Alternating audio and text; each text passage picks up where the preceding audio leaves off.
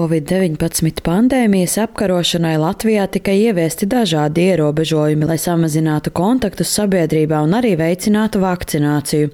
Tostarp no 2021. gada 15. novembra līdz 2022. gada 31. martam spēkā bija likums, kas paredzēja saimas un pašvaldību deputātiem uzrādīt vakcinācijas vai izslimošanas certifikātus, lai piedalītos darbā.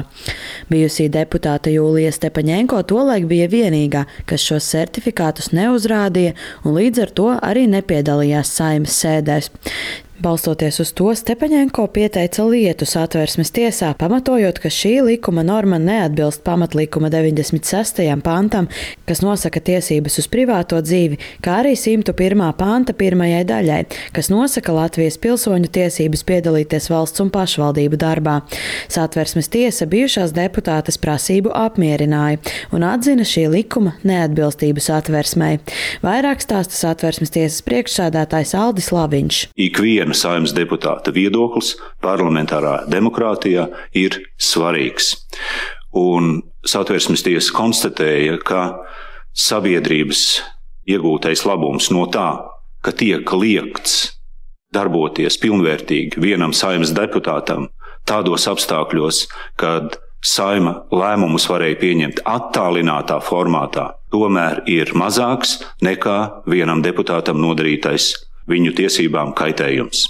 Tiesa secināja, ka ierobežojums bez certifikāta strādāt klātienē ir samērojams ar citu cilvēku tiesībām, šajā gadījumā neapdraudēt savu veselību.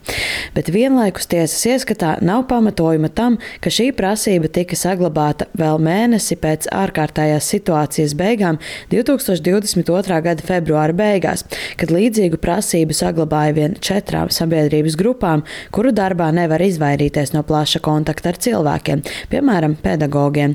Stepaņenko Latvijas radio skaidro, ka tiesas lēmums ir loģisks.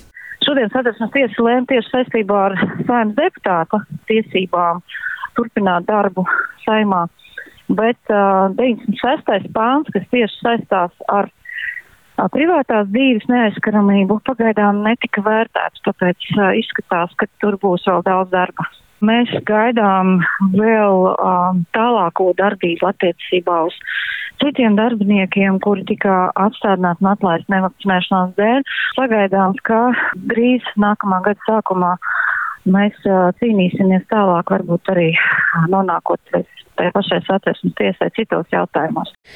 Tiesā norāda, ka apstrīdētā prasība neļāva Stepaņenko saņemt paredzēto atalgojumu, tāpēc tagad bijušai deputātei būs iespēja pieprasīt tā izmaksu.